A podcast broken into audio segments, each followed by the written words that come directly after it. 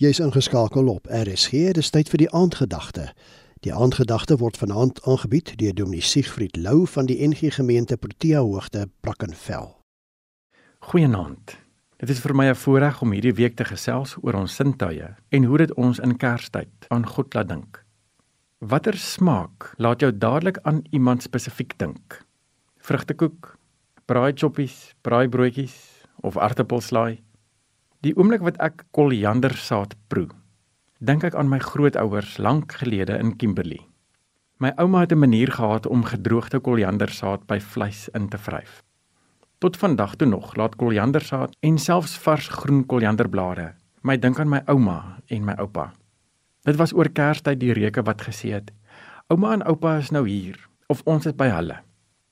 Koriander het die teenwoordigheid van ouma en oupa aangekondig. Matteus 1:23 sê: Hulle sal hom Immanuel noem, wat as dit vertaal word beteken God is met ons. Kerstyd juig ons oor Jesus wat God met ons is. Wanneer Jesus jare na sy geboorte die brood vermeerder vir meer as 5000 mense, dan proe hulle, dit is die waarheid. God het lank gelede in die woestyn manna gegee en nou is hier weer iemand wat brood van die lewe gee. Eintlik iemand wat die brood van die lewe is. As Jesus sê ek is die brood wat lewe gee, verstaan ons wat dit beteken dat God met ons is. Natuurlik gebeur dit in die Johannes Evangelie lank na Jesus se geboorte, maar die eerste wonderwerk van Jesus in Johannes is die water wat Jesus in wyn verander het.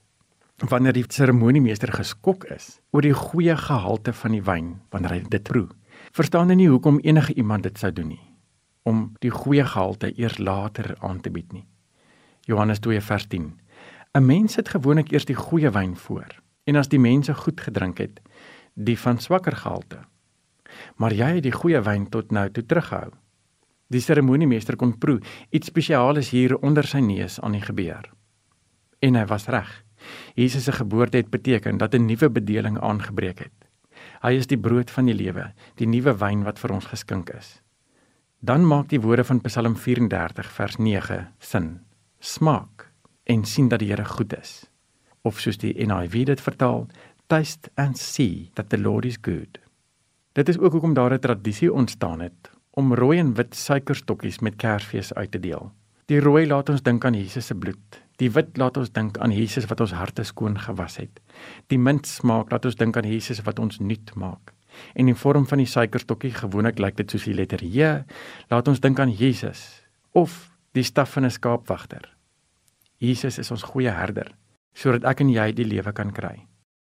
Dit was dan die aandgedagte hier op RSG, aangebied deur Dominee Siegfried Lou van die NG Gemeente Protea Hoogte, Brackenfell.